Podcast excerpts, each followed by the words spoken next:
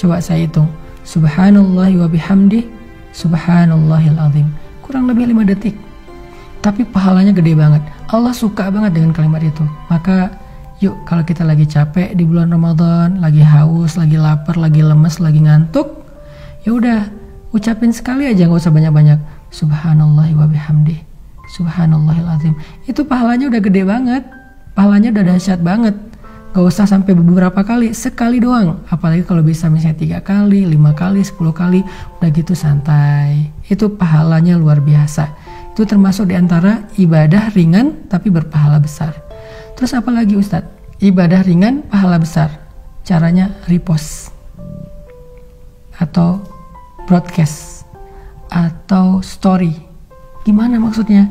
Kalau kita dapat sebuah konten yang baik, kayak sekarang kita lagi ada program booster untuk menjelang berbuka puasa kayak gini, teman-teman tinggal ngajak yang lain. Misalnya, eh ini ada booster Ustadz Hanan nih di channel ini, bagus nih, uh, yuk ikutin.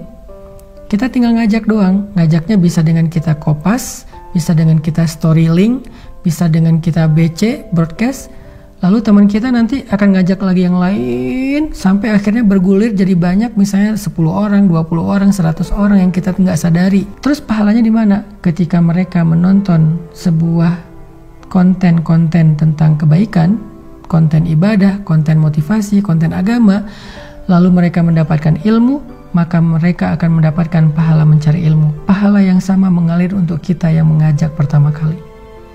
Lalu mereka mengamalkan, mereka dapat pahala amal. Pahala yang sama ngalir untuk kita yang mengajak mereka pertama kali. Mereka bukan hanya ngamalin sendiri, mereka ngajak temannya. Maka temannya juga mendapatkan pahala mencari ilmu, mengamalkan, mengajak, mencari ilmu, mengamalkan, mengajak. Pahala mereka semuanya diakumulasi mengalir kepada kita. Padahal kita cuma ngajak satu orang atau satu kali, cuma broadcast doang. Di grup WhatsApp kita, di grup geng kita.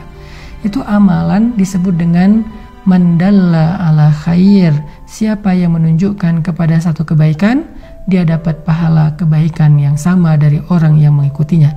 Mansanna fil islami sunnatan hasanah. Siapa yang mencontohkan dalam Islam satu contoh yang baik dia dapat pahala dari orang yang meniru kebaikannya tersebut